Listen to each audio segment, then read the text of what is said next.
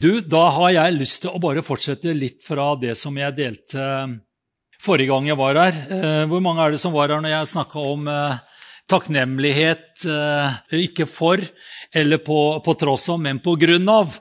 Det var det jeg preka om sist. Det var jo litt sånn mot strømmen da, av hva skal vi si, bare det å flyte i en sånn evigvarende lykke og strøm som som mange kristne kanskje tror at kristenlivet er. At når allting bare kjennes bra, og det er peace all around inside of you, og det er herlig, vi skal alltid ha fred på innsiden.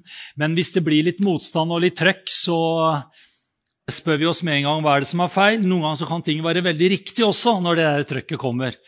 Sånn er det bare. Og så tok vi litt lun av det at eh, vi tror ikke på en sånn lykkekristendom som gjør at, eh, at, vi bare svever av sted på en rosa sky. Vi svever av sted sammen med Jesus, men underveis så kan vi møte på ting som kan være veldig utfordrende og tøft. Men midt i det der, der så kan Gud komme og gjøre sine mirakler. Han kan komme der og snu enhver situasjon. Det som kanskje er både mørkt og elendig, så kan Gud bare komme der på sin vidunderlige måte og så bare gjør han noe som gjør at det som kanskje så ut som et nederlag, blir til mange andre menneskers velsignelse.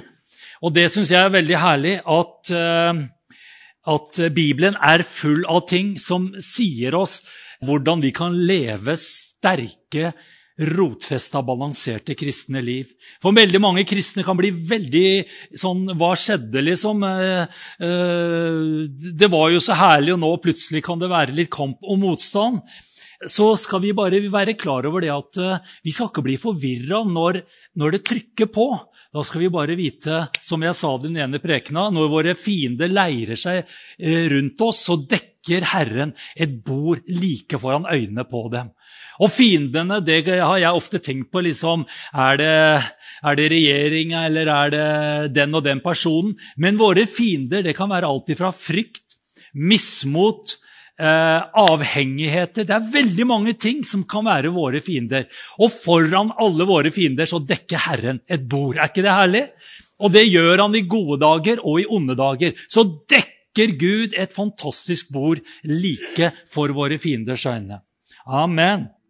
Jeg har lyst til bare lese litt, så vi får litt sammenhengen eh, fra forrige gang. Jeg skal ikke gå noe særlig inn på det, men, men Paulus vet du, han, eh, han ble jo fengsla. Han reiste til Roma som fange.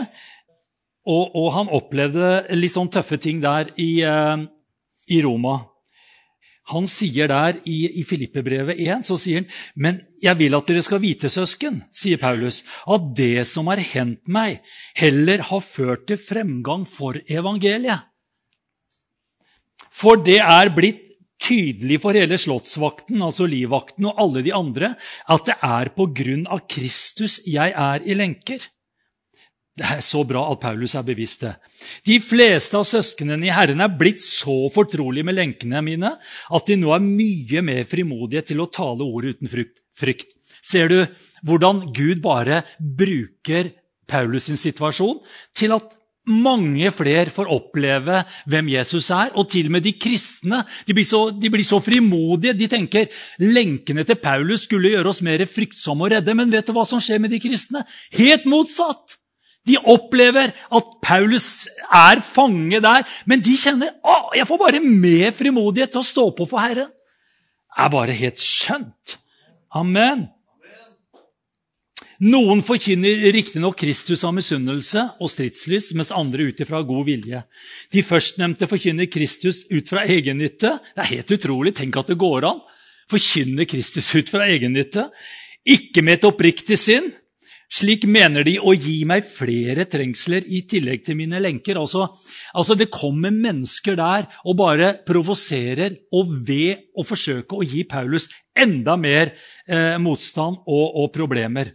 Men de sistnevnte, altså de som eh, forkynner av god vilje, gjør det ut ifra kjærlighet, for de vet at jeg er utvalgt til å forsvare evangeliet.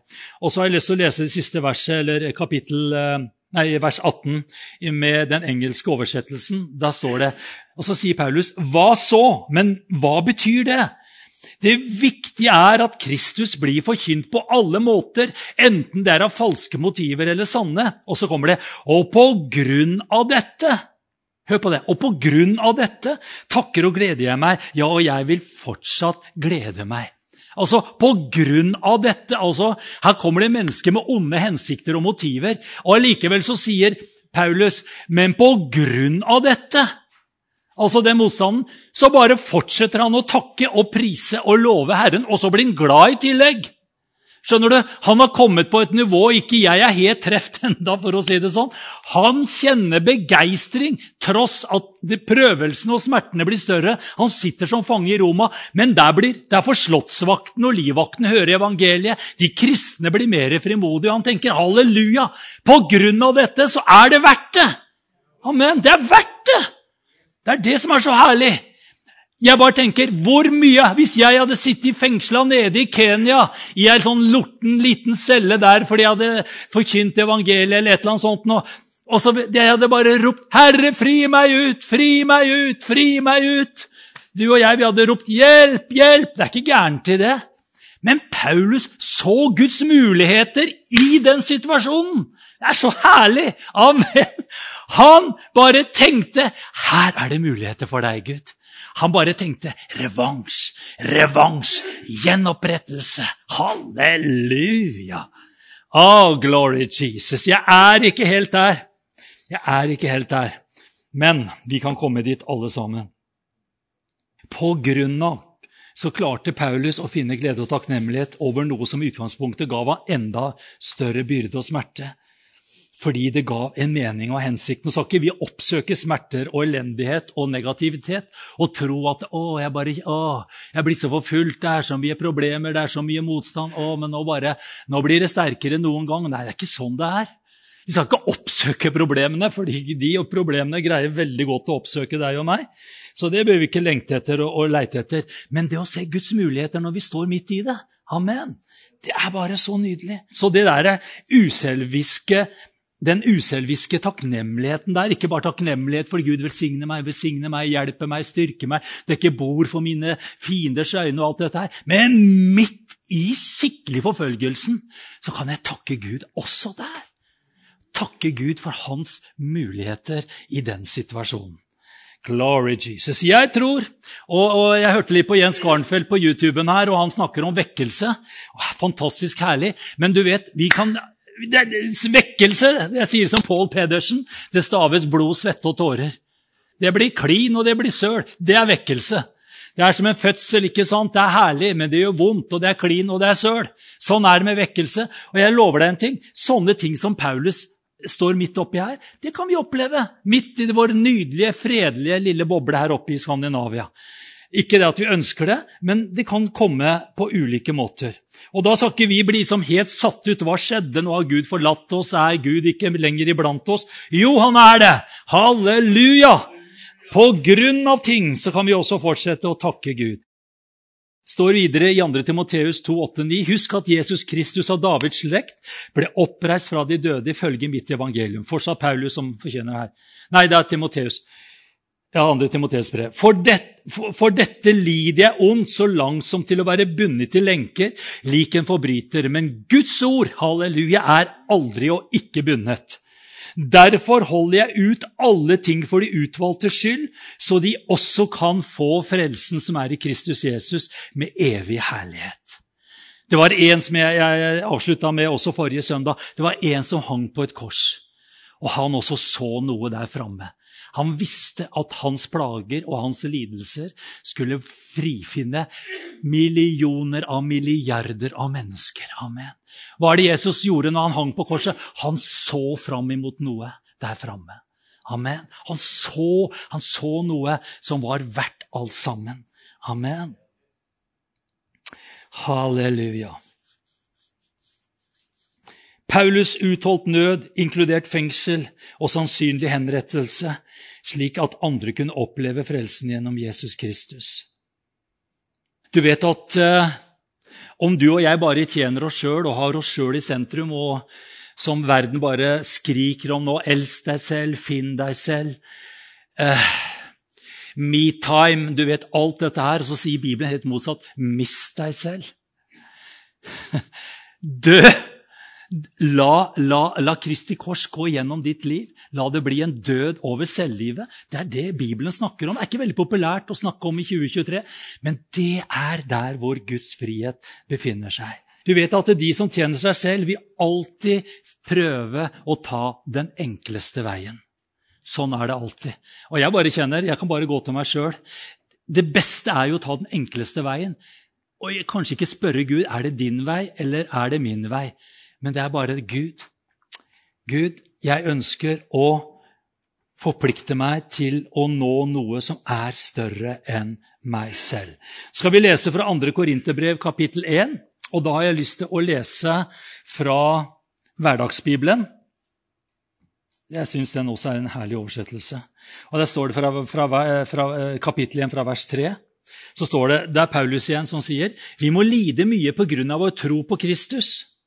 Men hos ham kan vi også hente trøst og oppmuntring.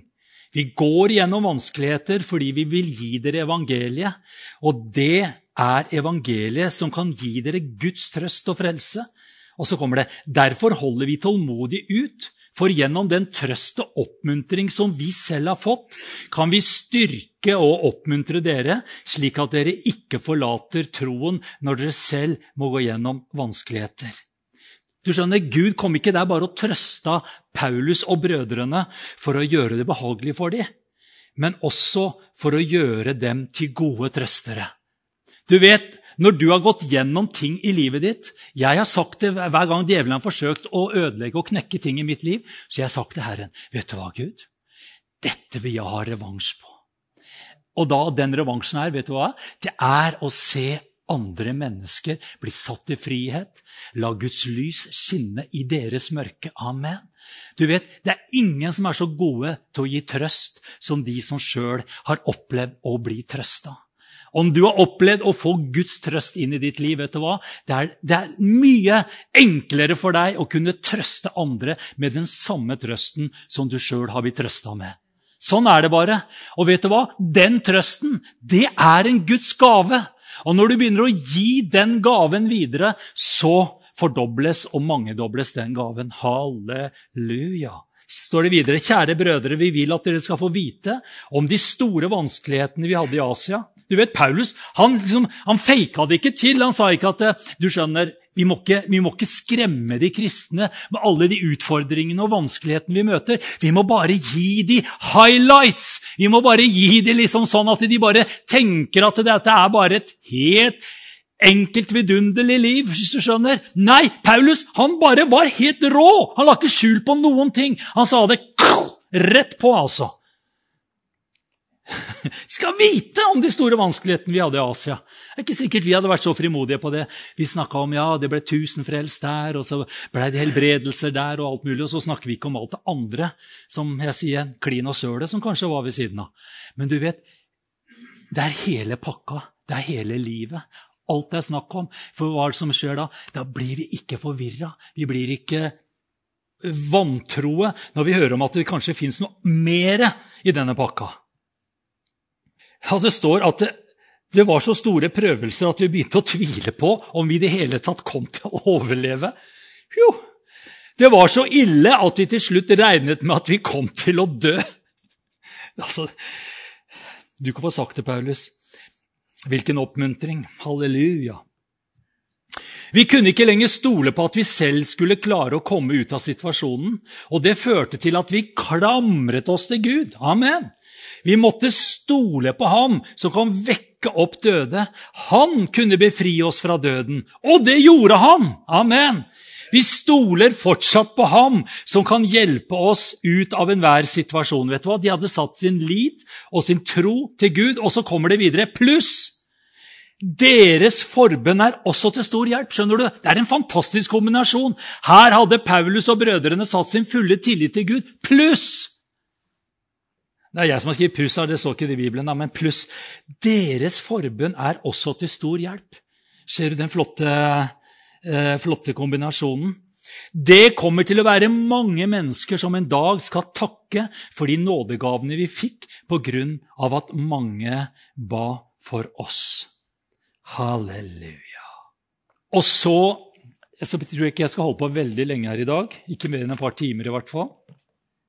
Men Nei, jeg sa ikke det. Jeg har lyst til at vi skal inn i utrolig, et, et utrolig begivenhetsrikt kapittel i apostlenes gjerninger.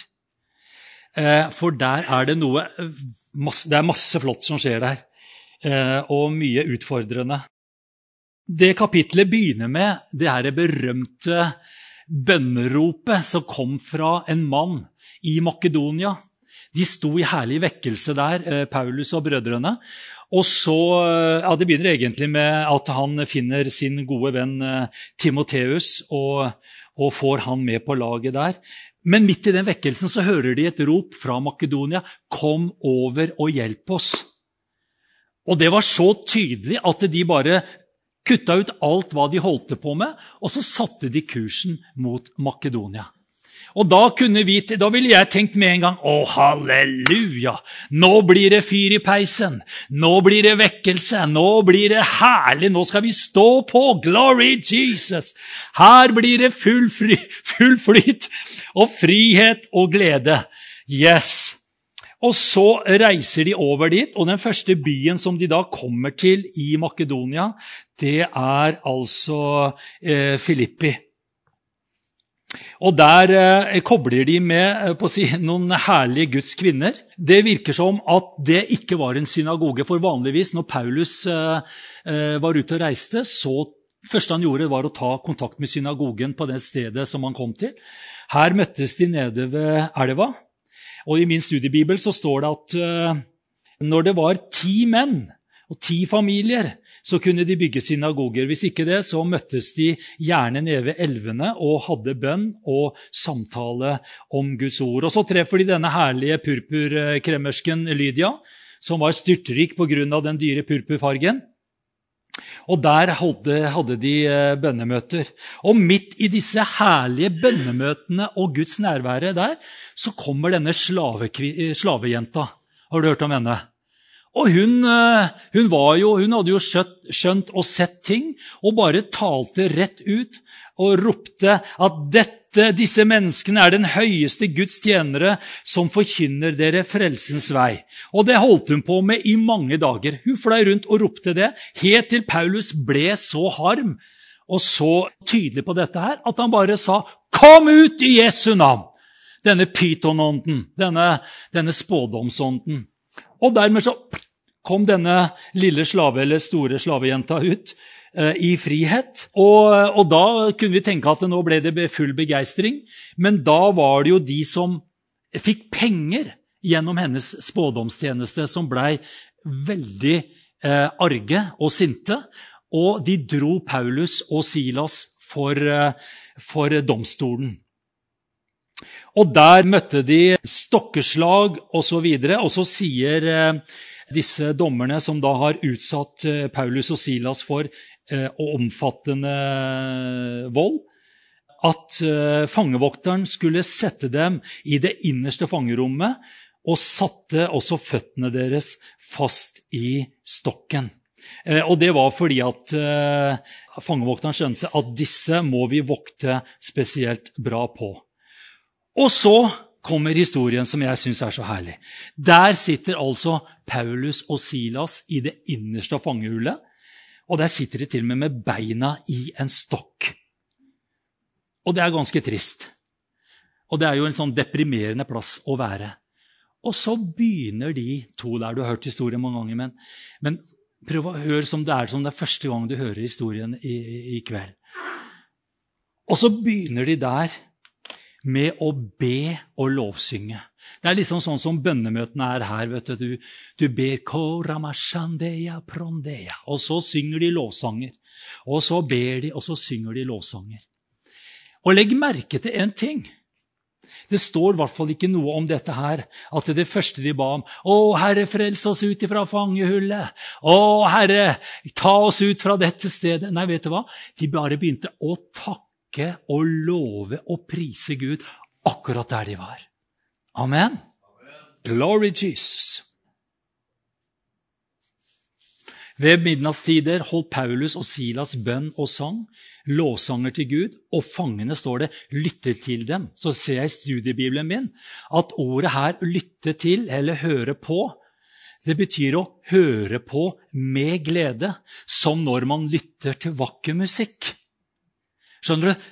Det var sånn fangene satt og lytta til Paulus og Silas inne i fengselet. Så du vet om, om, de nødvendigvis ikke hadde verdens beste stemmer. Kanskje de hadde fantastiske lovsangstemmer, men der var Gud og gjorde stemmene deres så vakre at bare alle fangene bare satt og nøyt bønnen og lovsangen til Paulus og Silas. Jeg har opplevd det, faktisk, og det var på evangeliuset i min tidlig, jeg vil si kanskje slutten av min barndom, tidlig ungdom. Da var det en mann på evangeliuset. Han sang som ei kråke. Jeg sto siden av han noen ganger på møtet. Helt, han, han, sang ikke en rein tone. Fram til på et møte hvor Guds ånd kom over den mannen. Så gikk han fram på forsamlingen. Jeg husker så godt han gikk fram. På, det var på gamle evangeliehuset, der hvor eh, Grenland Friteater er nå. Så gikk han fram ut til henne og begynte å synge i ånden. Det vakreste, reneste, lyseste jeg noen gang har hørt. Så du skjønner det at eh, til og med Den hellige ånd kan få den verste kråke til å synge som en lerke. Amen.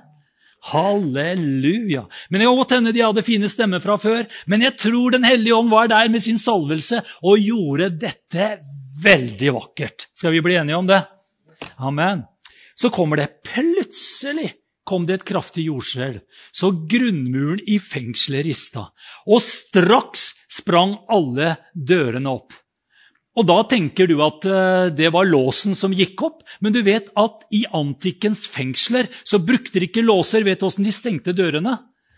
De, med svære bommer stengte de dørene på, på, utsida. Så vet du hva det vil si? Det jordskjelvet var så kraftig at sannsynligvis så gikk dørkarmer og alt sånn at de dørene bare ramla ut som en god snekker. Kenneth. Det høres logisk ut, gjør det ikke det? Enten så måtte de bommene ha spredt de opp, men sannsynligvis det jordskjelvet rista, så dørkarmer og alt gikk rett ned. Glory Jesus. Åh, er vi åpne for litt sånne opplevelser? Ah, så står det straks sprang de fleste eller noen dører opp. Alle dørene spratt opp. Og noen av lenkene løsnet. Nei, og lenkene løsnet av alle fangene. Skjønner du? Det er full frihet. Fangevokteren for opp av søvnen og så at fengselsdørene sto åpne. Det er jo sjokk. Han grep et sverd og ville drepe seg fordi han trodde at fangene nå var rømt. Og Ifølge romersk lov eh, så ble en fangevokter som eh, hadde mistet eller lot fangene slippe fri, han ville veldig sannsynlig bli dømt til døden. Så han tenkte her vil jeg ordne opp sjøl. Men av all sin kraft da, da, tok han en liten pause i lovsangen her. Av all sin kraft ropte Paulus til ham, 'Ikke gjør deg selv noe vondt.' Og så kommer det, 'Vi er her alle sammen'. Uh, glory Jesus. Vi er her alle sammen. Vet du hva? Det var ingen som rømte når dørene og lenkene falt. Alle sammen de bare fortsatte, eller Paulus og Silas de bare fortsatte å prise Gud. Og det var så herlig stemning og, og atmosfære i det fengselet, så til og med alle de andre fangene lot være å rømme. Da kan du snakke om god atmosfære. Her har de alle muligheten til å bare forsvinne av gårde. Og da bare blir de der, for de bare tenker We want more!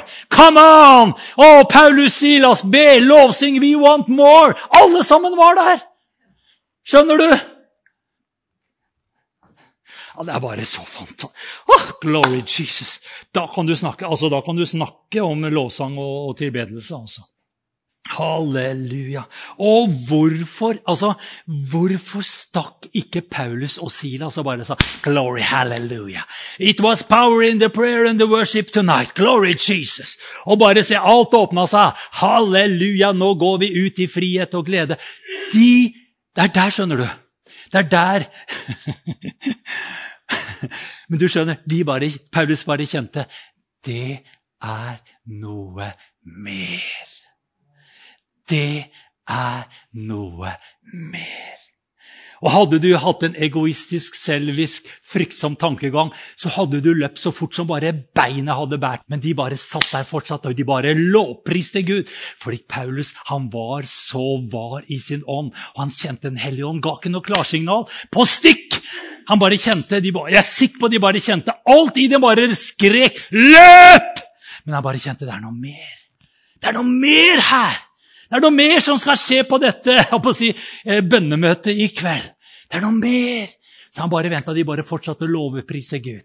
Og så måtte han jo avbryte litt der. Ei, ikke drep deg med sverdet, fangevokter! Vi er her alle sammen! Kom her! Det er et herlig vekkelsesmøte på gang! Kom her! Sånn holdt han på. For han bare visste det er noe mer som skal skje. Halleluja. Da kan du snakke om å være død fra seg selv, altså. Da kan du snakke om å ha Jesus hjerte for menneskene. Halleluja.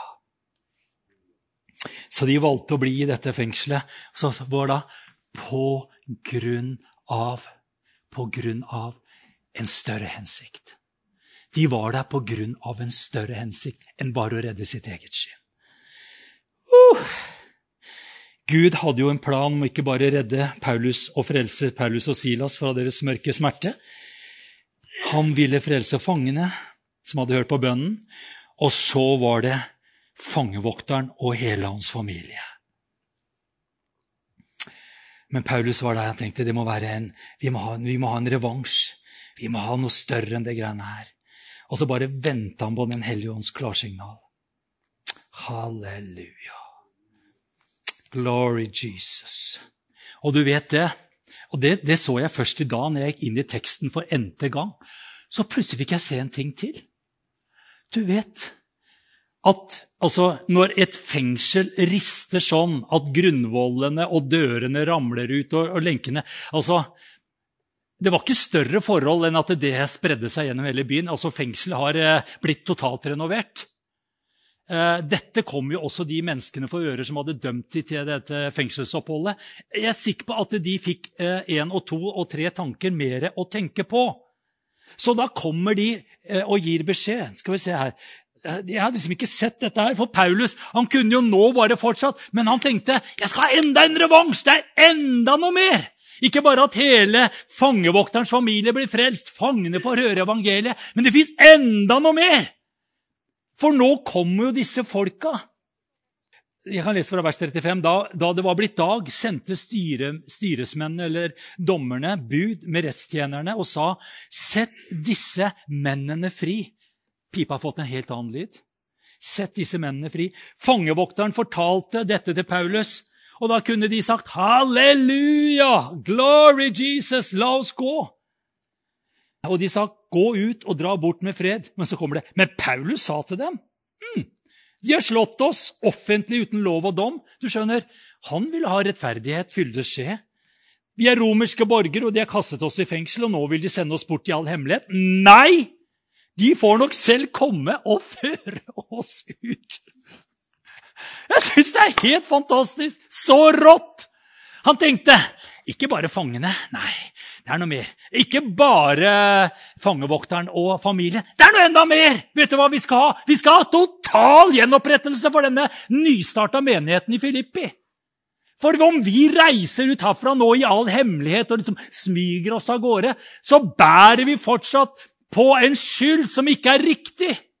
Og hva er det han tenkte? Jo, om vi dømmes og vi har gjort noe gærent, hva vil de tenke om den nystarta menigheten i Filippi? De skal ha full oppreisning! Jeg syns det her er så sterkt, altså.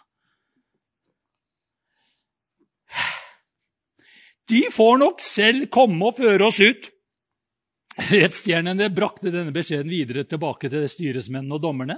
Og så kommer det Da ble de redde da de fikk høre at de var romerske borgere. Og så kommer det Da kom de selv og godsnakket. I en annen oversettelse så kom, så kom de og ba om tynt om unnskyldning og tilgivelse med dem.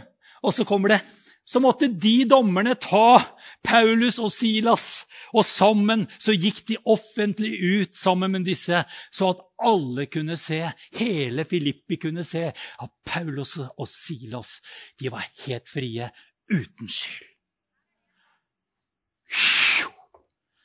Halleluja! Hvilket liv, dere!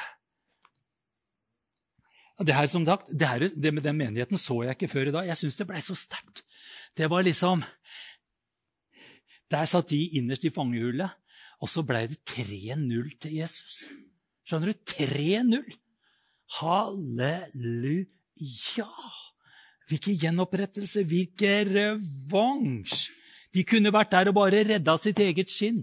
Men Paulus bare kjente det er noe mer.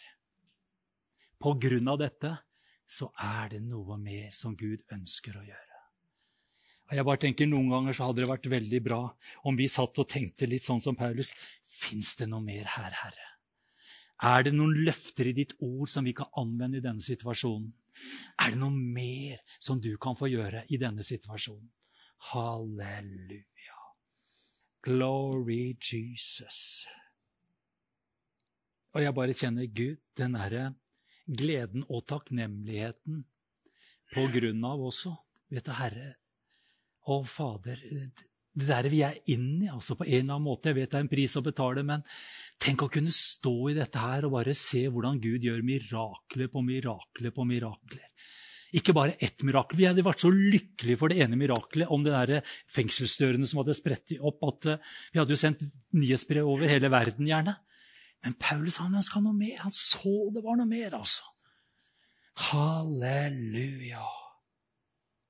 Jeg skal avslutte med setningen jeg skriver der. La oss vokse i takknemlighet, ikke bare takke for alt det gode Gud gjør, men takke selv om eller også på tross av, og nå fram til det å takke Gud på grunn av. Amen.